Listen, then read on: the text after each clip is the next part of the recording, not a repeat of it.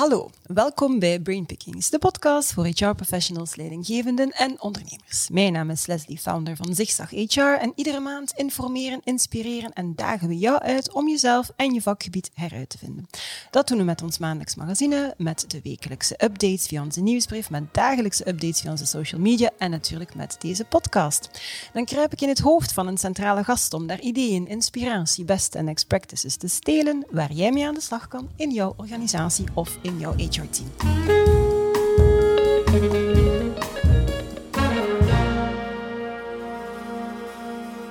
En als HR-professional ben je ook maar best beslagen in sociaal recht en arbeidsrecht. En daarom kruip ik minstens één keer per maand in het hoofd van een van de venoten of advocaten van Klaes en Engels, marktleider in België als het gaat over juridische HR-dienstverlening.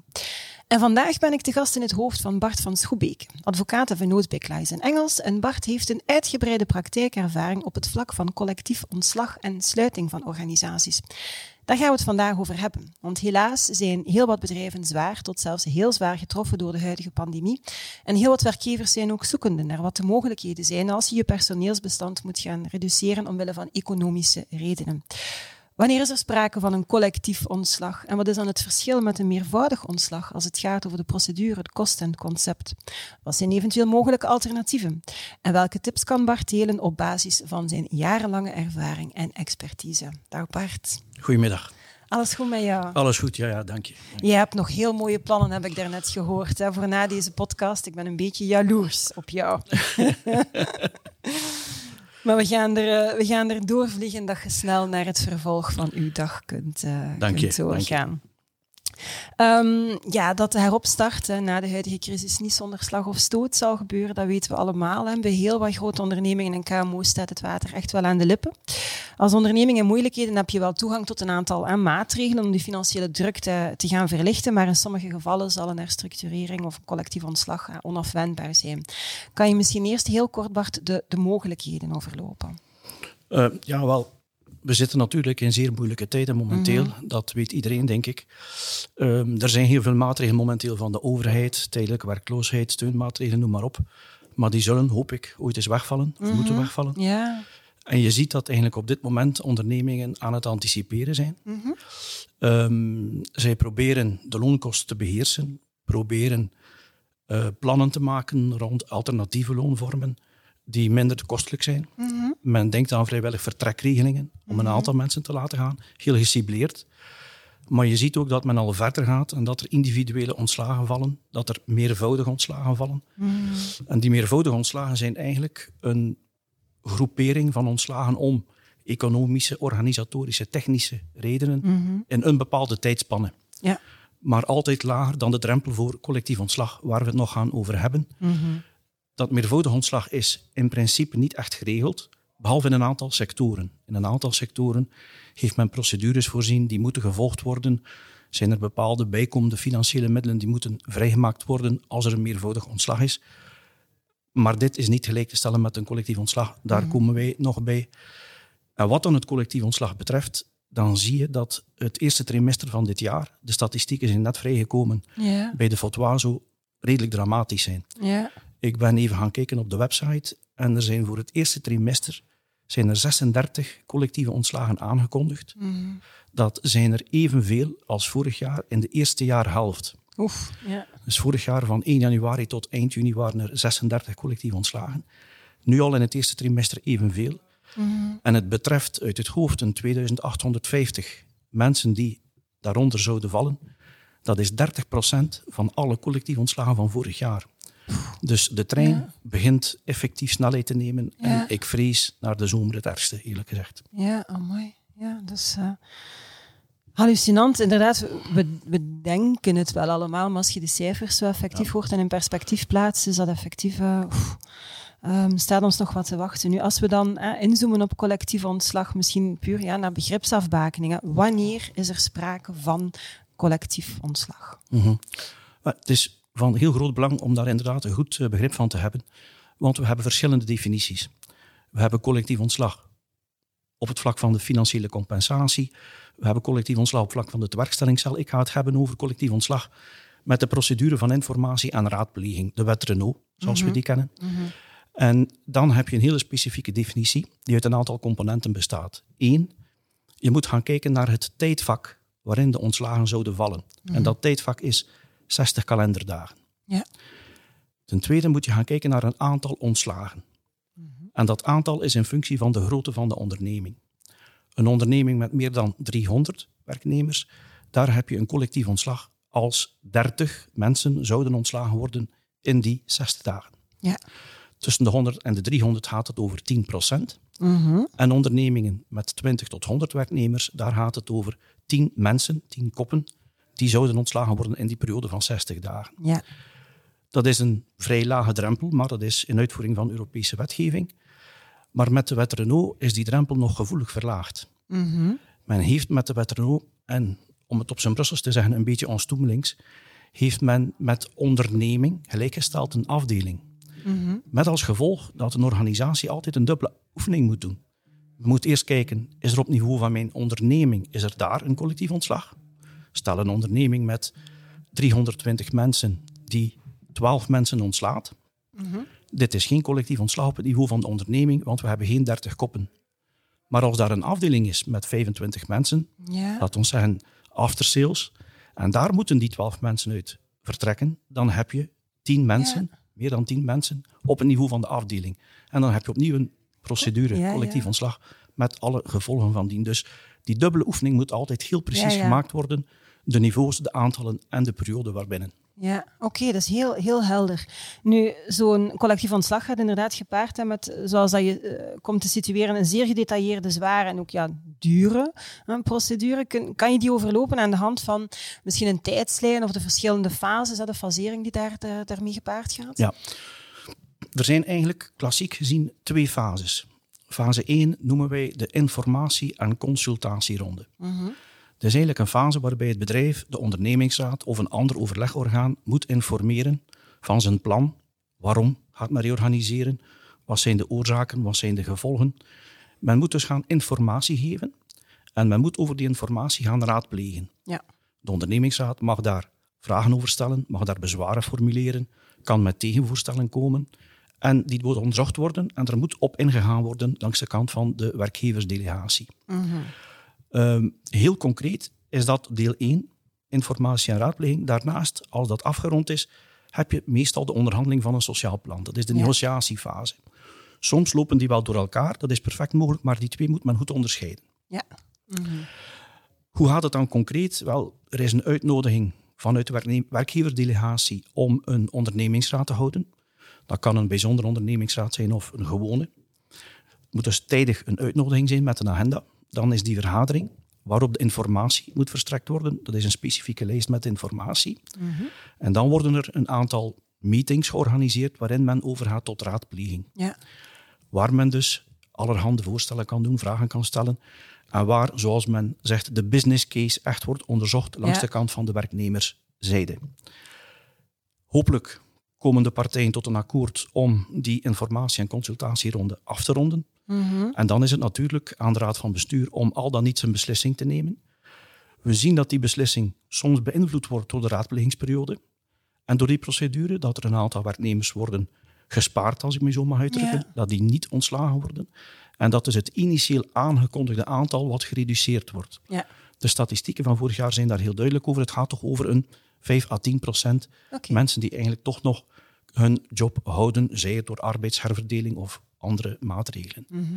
En wanneer dan die beslissing is genomen om door te gaan met het collectief ontslag, moet er opnieuw informatie gemaakt worden aan de ondernemingsraad, aan de overheid. En dat is ook heel belangrijk. Het specifieke aan een procedure van collectief ontslag is dat er kennisgevingen moeten gebeuren bij aanvang en bij de beslissing naar de overheid, naar de VDAB toe, naar de FOTWAZO, met allemaal informatie waarover het gaat, hoeveel mensen en dergelijke. Dus een heel strakke procedure met heel wat inspraak van de werknemersvertegenwoordigers, met twee grote luiken, informatie en raadpleging en ten tweede negociatie van een sociaal plan. Oké, helder opnieuw. Nu, als er sprake is van een collectief ontslag en je respecteert dan die procedure die je net komt te schetsen niet, dan treedt er ook een sanctiemechanisme in werking, de wet Renault. Hè. Die wet werd destijds um, in het leven geroepen naar aanleiding van het sluiten van de Renault-fabriek, effectief in Vilvoorde. In 97 was dat. Ik herinner mij dat nog als, als ja, wat was ik dan in de twintig al in ieder geval, maar ik herinner mij die beelden als die toenmalige Renault-topman de pers bijeenriep in een Brussels hotel om gewoon koud weg te gaan informeren van voilà, de fabriek gaat sluiten, 3000 werknemers komen op straat onderhandelen was gewoon niet meer mogelijk. Dus ja, er was een enorme collectieve verontwaardiging hè, op, op dat moment. Ehm, en dat um, het feit dat eigenlijk ja, zowel de lokale directie toen als de vakbonden als de werknemers gewoon voor een voldongen feit geplaatst werden. En eigenlijk is het dat toch wel, hè, als ik het goed begrepen heb, dat maakt dat er een nieuwe wet dan is uitgevaardigd, die we nu dan kennen als de wet Renault. Misschien toch ook belangrijk om toe te lichten hè, wat dat die wet Renault concreet inhoudt wat het de gevolgen vooral zijn voor de werkgever als die die niet gaat respecteren. Mhm. Ja, ik kan me inbeelden dat werkgevers daar ongelooflijk schrik toch wel van hebben. Hè? Uh, Om daarop in te pikken, de werkgevers hebben daar inderdaad enorm schrik van. En je ziet ook dat werkgevers daardoor de procedure zodanig minutieus willen volgen, mhm. of inderdaad zo goed navolgen, dat er ook nog geen gerechtelijke uitspraken zijn die inderdaad de schadevergoeding, de sanctie van de wet okay. Renault toekennen. Ja. Um, die wet Renault, en ik herinner mij de feiten ook nog zeer goed, in 1997, ik had toen net mijn stage gedaan en ik begon aan mijn eerste herstructureringsdossier. Um, die wet Renault heeft inderdaad een en ander aangepast. We hadden al een CAO nummer 24 die de procedure van informatie en raadpleging voorzag, maar de wet Renault heeft die willen versterken. Mm Heeft eigenlijk willen beklemtonen dat er eerst een intentie moet aangekondigd worden, een plan, mhm. geen beslissing, maar een intentie. En die intentie moet het voorwerp uitmaken van informatie en raadpleging. Dat was al zo met CO nummer 24. Mhm.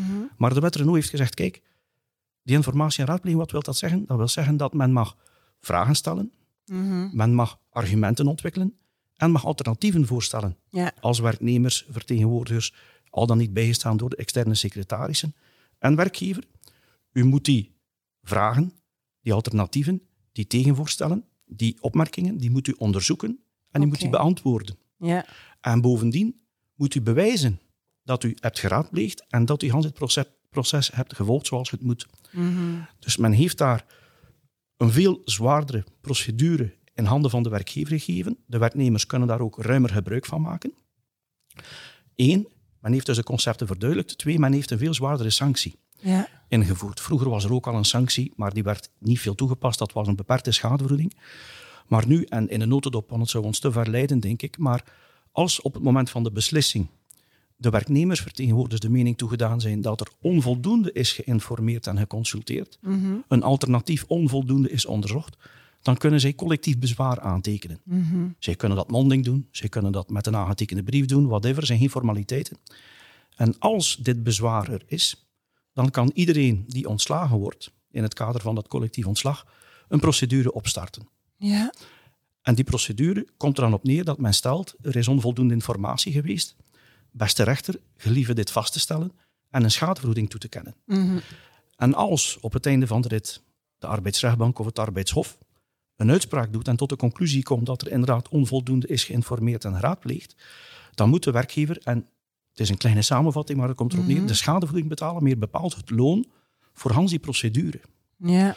Dus u ziet dat daar een financiële sanctie op staat van twee, drie jaar loon. Oh. Vermenigvuldigd met het aantal werknemers die een procedure zouden doen. Dit is onbetaalbaar. Ja. En dat is de reden waarom dat veel werkgevers in plaats van eenzijdig af te sluiten, die procedure, dat liefst doen in akkoord. Mhm. Ten tweede, nog wat langer informeren en consulteren. Dat in vergelijking met wanneer ze dat zouden gedaan hebben voor de wet genomen. En dat ze ook bereid zijn om een duurder sociaal plan te financieren, om dan geen betwistingen achteraf te hebben natuurlijk. Ja, dus het effect van die wet Renault is inderdaad veel langere procedures van informatie mhm. en consultatie, duurdere sociale plannen, maar ook een werkgever die veel beter moet voorbereid zijn wat betreft zijn business case. Ja, ja. mooi. Maar inderdaad, ik hoor ook een langere, een langere procedure, wat, ja, wat mij dan ook voor de betrokken werknemers zeker niet vast lijkt, dat je dan heel lang in, in, in, in, in dat proces blijft, blijft, blijft hangen. Hè? Ja. Het, het is inderdaad zo dat vroeger er een praktijk was voor de wet Renault van de werkgever nam een beslissing mhm. en men ging praten over de gevolgen, het financieel plan, het sociaal plan. Niet helemaal in lijn met de wet, maar dat was de praktijk. Nu gaat men over de beslissing zelf gaan discussieren, over het plan zelf en heel mhm. grondig. Mhm. En ondertussen kan die werkgever eigenlijk niet aan de medewerkers gaan meedelen wie erbij betrokken is en wie niet. Dus je hebt daar een enorme periode van onzekerheid Ja. die gemakkelijk drie, vier, vijf maanden kan duren als je Ja. kijkt naar de statistieken bij de FOD. En dat is dus inderdaad iets wat je moet managen en wat zeer, zeer moeilijk is. En wat je ook ziet, dat veel organisaties daar enorme problemen mee hebben. ja. Je kan niet helder communiceren. Je mag eigenlijk. Je mag niet. En dat is een groot probleem voor eerder Amerikaans geïnspireerde bedrijven. Die willen eigenlijk op dag één aan hun mensen rechtstreeks de juiste informatie geven. En dit gaat dus niet. Anders zou je duidelijk een procedure voor Mhm. Maken. Eh, en daar moet op gewaakt worden. Ja, ja. Oké. Ehm, ja, in het geval van zo'n collectief ontslag zit de werkgever eigenlijk echt niet meer in de driver's seat. Hè. Die procedure is lang, zwaar, duur, niet betaalbaar voor heel wat ondernemingen. En in een aantal gevallen ja, kun je als bedrijf ook niet zomaar van dag één op dag twee gaan je je bedrijf sluiten, omdat er vaak nog engagementen zijn ook naar klanten of omdat er nog een bepaalde mate van hè, businesscontinuïteit moet zijn. En met zo'n collectief ontslag verdwijnt al een know-how van het bedrijf. Dus er, er zijn om die reden en om andere redenen dat ik mij wel kan inbeelden, dat bedrijven op zoek gaan naar alternatieven. Hè. Wat kunnen we doen om zo'n collectief ontslag te gaan vermijden? Wat, wat zijn dan alternatieven en hoe kun je daar dan een business case rond, eh, rond opbouwen? Er zijn inderdaad alternatieven. En ik heb er bij aanvang van ons gesprek Mhm. Lizzie, al eventjes naar verwezen. Als het een kwestie is van tijdelijk de loonkost wat te gaan onder controle houden, dan proberen we met onderhandelingen andere voordeliger systemen, maar fiscaal vriendelijk in te voeren. Geen pure bonussen, maar CO nummer 90, om nu maar een voorbeeld te geven. Geen puur loon uitbetalen, maar groepverzekeringspremies die fiscaal en parafiscaal interessanter zijn en minder kosten. Dat is één. Ja, Als natuurlijk er moet gesnoeid worden in de organisatie, dan zie ik toch dat de laatste jaren men meer en meer gaat werken met vrijwillig vertrekprogramma's. ja, Men gaat werkelijk kijken in die afdelingen in de organisatie waar er mensen op overtal zijn. En men gaat criteria vastleggen, skills, talenkennis. En op grond van die criteria, inzetbaarheid, noem maar op. En in functie van die criteria opent men een window waarbij dat mensen gedurende een bepaalde periode kunnen zeggen, bon, ik wil eigenlijk wel vertrekken. ja, En ik heb misschien wel andere opportuniteiten. Ehm, voor mij geen probleem, ik ben kandidaat. En dan gaat men toetsen aan de criteria en dan kan de betrokken werknemer met een pakket. ja, Dat is niet de kost van een sociaal plan, dat is meestal de wettelijke ontslagkost of iets daaronder. Maar die kan toch vertrekken. En ik heb het veel meegemaakt dat mensen kort daarna een eigen job hebben of zich vestigen als zelfstandige, als consultant en dergelijke. Dat is perfect mogelijk. Natuurlijk, in crisistijden gaat men minder makkelijk die stap zetten om ja, ja, weg te gaan. omdat alles onzeker is. Hè? Ja. Alles is onzeker. Je hebt ook geen werkloosheidsuitkeringen als het echt Nee. slecht komt. Dus ehm, dat is niet evident. Maar wat je meer en meer ziet, dat is dat bedrijven niet de procedure van de wet Renault doen. En dat is de gefaseerde aanpak, zoals men dat geeft. Dat is eigenlijk het ontslag gaan spreiden in de tijd. Ja, Daar is op zich niks mis mee, want de wet Renault is maar van toepassing als de drie voorwaarden vervuld dat we zijn. net. Ja, ja. Als je natuurlijk niet aan die voorwaarden voldoet, omdat je ervoor opteert om geleidelijk aan af te bouwen, omdat je contracten hebt die geleidelijk aan afgebouwd worden, omdat je niet alle know-how meteen weg wil, dan kan je een gefaseerde aanpak doen. Eh, dat gebeurt zeer veel. Ook omdat een organisatie niet altijd perfect weet, als ik nu x aantal mensen laat gaan, gaat mijn organisatie wel nog leefbaar zijn. ja. Ja, als je een collectief ontslag Ja. doet en de 60 mensen die je aangekondigd hebt, die moeten op die dag weg, dat kan een probleem zijn. Mhm. Vandaar dat men soms in fase werkt. Daar is niks mis mee. Eh, dan heb je natuurlijk niet de wet Renault, maar dan heb je nog altijd wel een overlegprocedure die in Ja. nummer 9 voorzien is. En je moet nog altijd informatie geven, je moet nog altijd raadplegen, je moet antwoorden op de vragen. Maar we zitten buiten het kader van de wet Renault Mhm. met zijn heel zware sancties. Dus dat is wat we zien. Dat gebeurt, een evolutie naar meer gespreide, gefaseerde ontslagen.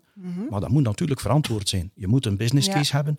Je moet een motivatie hebben waarom je dat doet. Je kan het niet zomaar doen om de wet Renault te omzeilen natuurlijk. Ah, dat ja, gaat ja, niet. natuurlijk. Dus je moet economische motieven hebben, je moet organisatorische motieven hebben, technische. Ik heb ooit een bedrijf begeleid dat van zijn 375 medewerkers er 125 zou moeten laten gaan. En dat hield verband met contracten die kwamen te vervallen. En Ja. dus omzetverlies. En dat was gespreid over een periode van 2,5 jaar. Mhm. Dat is ook zeer moeilijk om dat door uw organisatie te krijgen, die Ja. lange periode. Maar dat is juridisch perfect mogelijk. Mhm. En verdedigbaar. gezien. En verdedigbaar. Ja, ja, Ja, ja. absoluut. Oké. Ja. Ehm, je hebt al een paar keer naar verwezen. In het geval van een collectief ontslag kan er dan ook een sociaal plan opgesteld worden. Kan, want het is eigenlijk niet verplicht. Hè, maar het wordt wel aangeraden om diverse redenen. Waarom is het toch aangeraden om zo'n sociaal plan op te maken?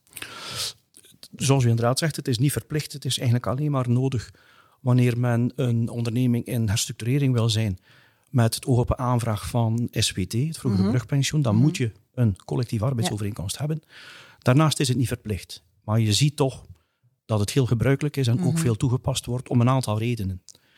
Eén, de social responsibility van de werkgever. Mhm. Er zijn toch medewerkers die heel lang gewerkt hebben voor het bedrijf en de onderneming die dan moet afscheid nemen van mensen wil toch iets extra's doen bovenop het wettelijke. Dat is één, social responsibility. Twee, dat is precies ook om te vermijden wat ik daarnet zag, dat er achteraf procedures zouden gevoerd worden. Daarvoor wil men wel iets betalen. Drie, dat is om de sociale vrede te behouden. Als je natuurlijk vanaf dag één, en dat is iets wat je moet meedelen bij je eerste aankondiging, gaat u over een sociaal plan praten of niet? Je moet daar iets meedelen. Als je constant daar nee tegen zegt, dan ga je natuurlijk een heel moeilijk proces hebben. Ja. En zal de informatie- en raadplegingsprocedure ook heel moeilijk lopen. Men zal proberen om die te rekken. Ja. Omdat men weet, oké, er zitten geen centen in voor de mensen. Dan zullen we proberen op een andere manier terug te leggen. En dat is die informatie- en raadpleging zo lang mogelijk uh, laten lopen en niet afsluiten. Dus ook vanuit tactisch oogpunt heeft de werkgever er belang bij om een sociaal plan af te sluiten. Af te sluiten, ja. ja. Zeg, en welke kost gaat daar dan mee gepaard? Wel, ik moet even spieken, uh, Leslie. Op kantoor houden wij de sociale plannen die de voorbije jaren zijn afgesloten, mhm. die houden wij bij in een database. En we hebben een soort van representatief personeelsbestand van een fictieve onderneming gemaakt. En wij kijken wat de sociale plannen precies betekenen in termen van kost. Ja. En dan zie je dat in bepaalde sectoren de sociale plannen, zeg maar iets in de verpakkingssector bijvoorbeeld, gemiddeld 45% kosten van de wettelijke kost. Ja. De chemische sector 40, 50 procent van de wettelijke kost. De farmace uh, farmaceutische sector dat gaat nog boven. Daar zitten zelfs mhm. plannen van 70 tot 80 procent van mhm. de uh, wettelijke ontslagkost. Dat is natuurlijk allemaal relatief. Ja. Hangt allemaal af van uw onderneming, van de populatie. Er zijn ook ondernemingen die zeer winstgevend zijn en die dan herstructureren om nog winstgevender te worden, ja, dan mm. wordt je sociaal plan natuurlijk nog moeilijker of nog duurder. Dus je moet dat wel met een korreltje zout nemen, maar je ziet toch dat sociale plannen ruw geschat tussen de 30 en de 60 procent van uw wettelijke ontslagkost impliceren. Ja, oké. Okay. En wat zit er dan doorgaans in, in vervat in, in zo'n sociaal plan?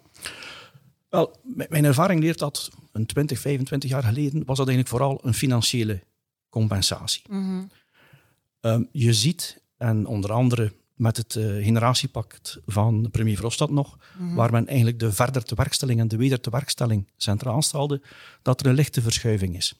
En je hebt eigenlijk twee componenten. Component 1 is nog altijd het financiële, waarbij er een vertrekpremie wordt betaald. Mm Dat kan een vaste premie zijn, 5000, 10.000 euro. Waarbij er een premie in functie van anciëniteit wordt betaald. 500 euro per jaar dienst, 1000 euro per jaar dienst. Er zijn er zelfs van 3000, 3250 euro per jaar dienst. Dat is zowat het financiële. Mm vertrekpremies. Daarnaast heb je dan die begeleiding naar een nieuwe job, waarbij outplacement centraal staat. Waarbij men jobwinkels gaat organiseren, waarbij men een trainingsbudget heeft aan de mensen. Uh, in functie van het vinden van een nieuwe job. En dat gaat er ook in de tewerkstellingscel, waar we het mogelijk nog zullen over hebben. Wat ook een instrument is om mensen te begeleiden naar een nieuwe job. Maar dus het sociaal plan twee leuken, puur financieel mhm. en een stukje naar wedertewerkstelling. Ik vind persoonlijk dat het tweede leuk, het outplacement en hand het gebeuren naar een nieuwe job, eigenlijk veel belangrijker zou moeten zijn. En je ziet dat dit in centen uitgedrukt een minimaal gedeelte is van het sociaal plan. En dat betreur ik eerlijk gezegd. Ja, ja, in het kader van duurzame inzetbaarheid zou het wenselijk zijn dat ze inderdaad meer daarop zetten. Want waarmee dat je effectief het bruggetje hebt, hebt, hebt gebouwd. Hè. Bij zo'n collectief ontslag is er enerzijds inderdaad die focus op financiële compensatie. Maar langs de andere kant ook de verantwoordelijkheid, dat je ook al hebt aangehaald, om mensen naar een nieuwe job hè, te begeleiden, naar het vervolg van de loopbaan te begeleiden via outplacement, opleiding. Um, en hen gewoon globaal te ondersteunen, omdat een ontslag uiteindelijk toch nog altijd een, ergens wel een traumatische ervaring is. Veel mensen die 20 jaar of langer, en zelfs moet zelfs niet zo lang zijn, dat komt wel binnen. Hè. Um, en dan gaan we het inderdaad over dit werkstellingscel hebben. Kan je misschien toelichten wat, wat dat hè, omvat, waar dan medewerkers daar dan recht op hebben? Welke actoren daarin betrokken zijn en ook wel, want je hebt verschillende soorten tewerkstellingscellen. Ja. ja, wel, ik vind persoonlijk de tewerkstellingscel een zeer goed instrument, zoals ik mhm. daarnet al eventjes aangaf. Wat is dat eigenlijk? Je moet dat zien als een samenwerkingsverband tussen de werknemersorganisaties, de vakbonden, mhm. enerzijds, de werkgever, anderzijds, en daarnaast ook ehm, de VDAB, Acteris in Brussel, Forem in Wallonië, mhm. en veelal ook sectorale opleidingscentra. Veel sectoren hebben in akkoord met de werkgever en de werknemers, die hebben bepaalde opleidingscentra, die komen dan deel uitmaken van die tewerkstellingscel. En die tewerkstellingscel die wordt ingevoerd of ingericht na of vanaf het eerste ontslag, mm ten gevolge van het collectief ontslag. En die doet eigenlijk vijf dingen. Eén, dat is de administratieve uitvoering van het sociaal plan. Ervoor zorgen dat de stappen van het sociaal plan en alles wat daarin voorzien wordt, effectief wordt uh, toegekend. Dat is de werknemers helpen in hun zoektocht naar een nieuwe job. Mm Werknemers hebben veel vragen, weten niet hoe ze moeten uh, solliciteren, hoe ze een sollicitatiebrief moeten opstellen, hoe zij zich moeten in het gesprek gedragen. Die tewerkstellingscel helpt daarmee, samen met die andere actoren. Mm Een andere functie is dat het outplacement kantoor beslist wordt door de tewerkstellingscel in principe. Mhm. Meestal gebeurt dat al in het kader van het sociaal plan. Maar de tewerkstellingscel heeft daar toch ook een rol. En de tewerkstellingscel gaat echt zorgen dat de werknemers geactiveerd worden, dat zij deelnemen. Ze worden uitgenodigd met een aangetekende brief, ze worden onthaald en dergelijke. En je ziet dat in de praktijk die tewerkstellingscellen veel verder gaan dan wat ik daarnet heb gezegd. Die gaan bijvoorbeeld ook, je kent er nu in die bezig is met een, een jobbeurs. Die gaat bedrijven uit het bedrijvencentrum uitnodigen, uh, waar bepaalde vacatures zijn, waar mensen zouden kunnen de overstap doen. En dat wordt eigenlijk in die cel uh, naar voren geschoven. Die cel moet blijven bestaan gedurende de procedure van het collectief ontslag en de uitvoering ervan. Mhm. En de mensen krijgen, naast datgene wat ik al aangaf, ook iets financieel. Dat is een herinschakelingsvergoeding. Ja. Dat betekent dat men gedurende drie maanden, als men jonger is dan 45, of zes maanden, als men ouder is dan 45, krijgt men eigenlijk een stukje van zijn opzegvergoeding ja. uitbetaald. Ja. Dus er wordt eigenlijk drie of zes maanden van de opzegvergoeding genomen om die mensen van maand tot maand te betalen en ervoor te zorgen dat zij ook in die tewerkstellingscel actief zijn. Ja, ja, en pas achteraf wordt de rest betaald. Oké.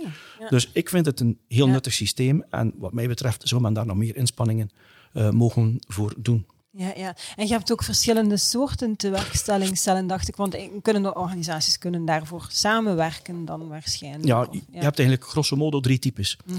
Je hebt het werkstellingscel die verband houdt met een bepaalde onderneming. Mhm. Een bepaalde onderneming doet een reorganisatie en die moet een tewerkstellingscel oprichten.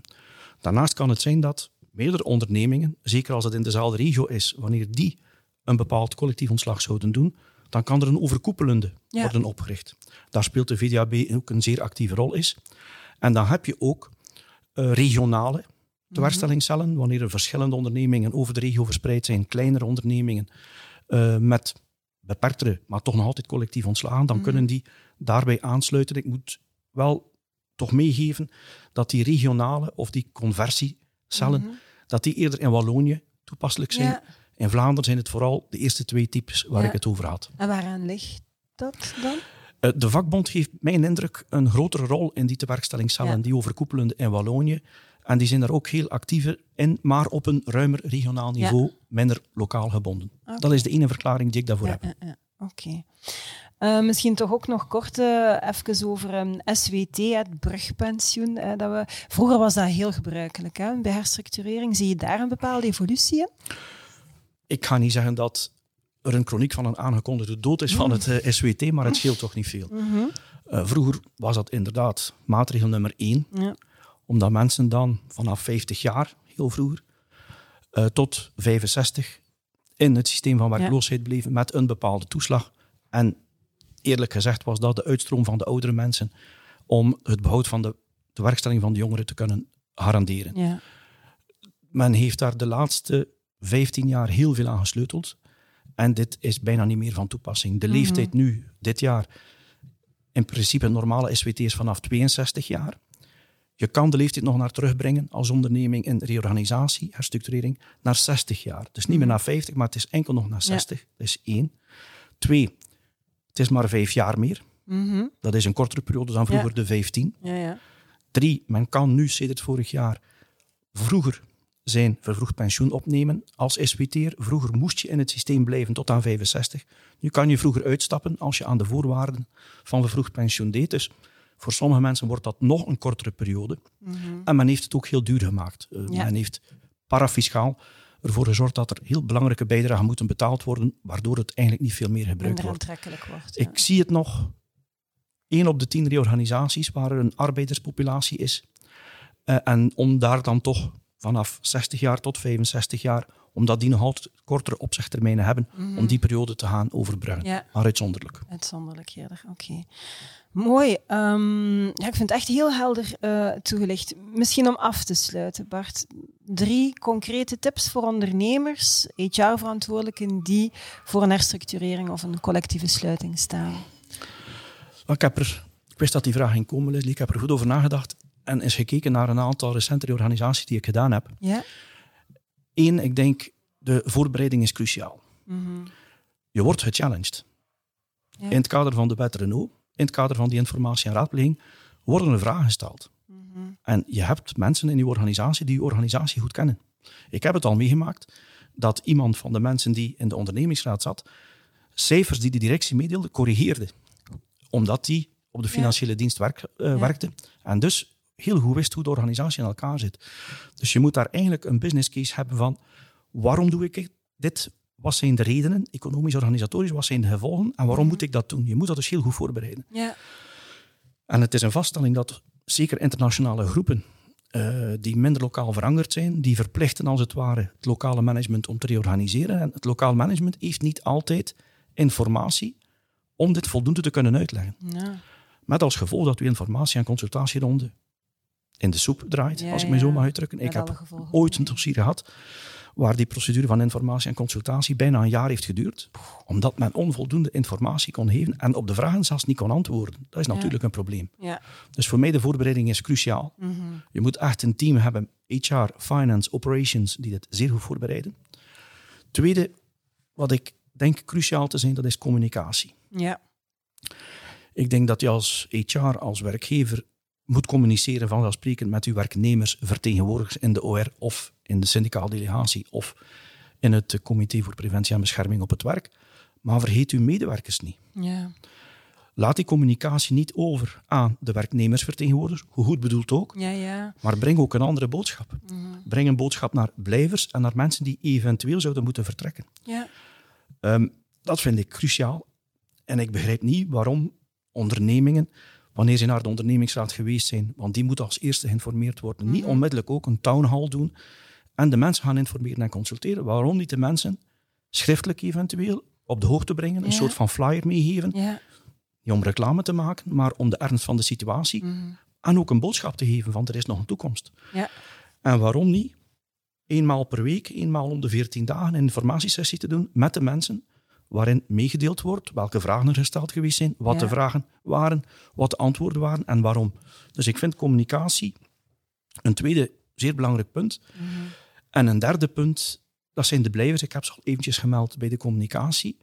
Er gaat heel veel geld naar het sociaal plan. Ja. Laat ons eerlijk zijn, ik heb u de cijfers gegeven, de Ja. percentages. Tussen de 30 en 60 procent van de wettelijke kost. Maar waarom niet ook, als het kan, desnoods een stukje daarvan, maar een stukje Mhm. budget voorzien voor de blijvers. Absoluut. Waarbij dat er toch rond welzijn, waarbij dat er rond toekomst van de onderneming een en ander kan gebeuren. Er zijn, er verschillende programma's mogelijk. En dat die mensen ook een perspectief hebben. Ik heb soms de indruk, veel bedrijven doen dat zeer goed, begrijp niet verkeerd, maar dat men daar iets te weinig aandacht aan besteedt. Ja, dat men er niet bij stilstaat, dat dat ook een heel belangrijke groep van mensen is die in een, ja, ik kan mij inbeelden, bijna een dat een verlies, dat is een rouwproces, maar ook in een onzekerheid zitten van het gaat misschien hierna aan mij zijn of wat is mijn toekomst hier inderdaad nog. Absoluut um, terecht, die communicatie herken ik, uh, herken ik ook, want we hadden um, vorig jaar al een, uh, een tweetal praktijkcases um, in detail toegelicht vanuit een HR-directeur die een sluiting heeft moeten begeleiden. En één daarvan was de, sluiting van de perceelfabriek, waar u zelf ook in uh, betrokken was. En er waren ook eigenlijk tien heel concrete lessen, heel duidelijk. En communicatie zat er inderdaad in, uw voorbereiding zat er inderdaad in. Laat je, ex, laat je extern adviseren, hè, want uh, je mocht echt geen fouten maken, je kunt je niet permitteren. Maar misschien wel zinvol dat we die uh, dossiers even terug um, boven halen. Ik vond, um, ik vond het heel helder, heel boeiend. Um, gebracht um, op een duidelijke manier. Dus ik ben er 100% van overtuigd dat mensen die geluisterd of gekeken hebben hier een heel duidelijke uh, overzicht hebben gekregen. Dus ik wil je daar hartelijk uh, voor bedanken um, dat we in uw hoofd mochten kruipen en dat we daar al die informatie mochten uiten. Ik hoop dat het geen pijn gedaan heeft. Nee, helemaal niet. Hartelijk dank. Hartelijk dank. Okay, Graag dankjewel. gedaan. Dankjewel ook uh, aan jullie om te kijken of om te luisteren. Vond je deze podcast fantastisch of in dit geval bijzonder interessant of boeiend? Ken je mensen die er ook baat bij hebben om daar naar te luisteren? Stuur het zeker en vast door.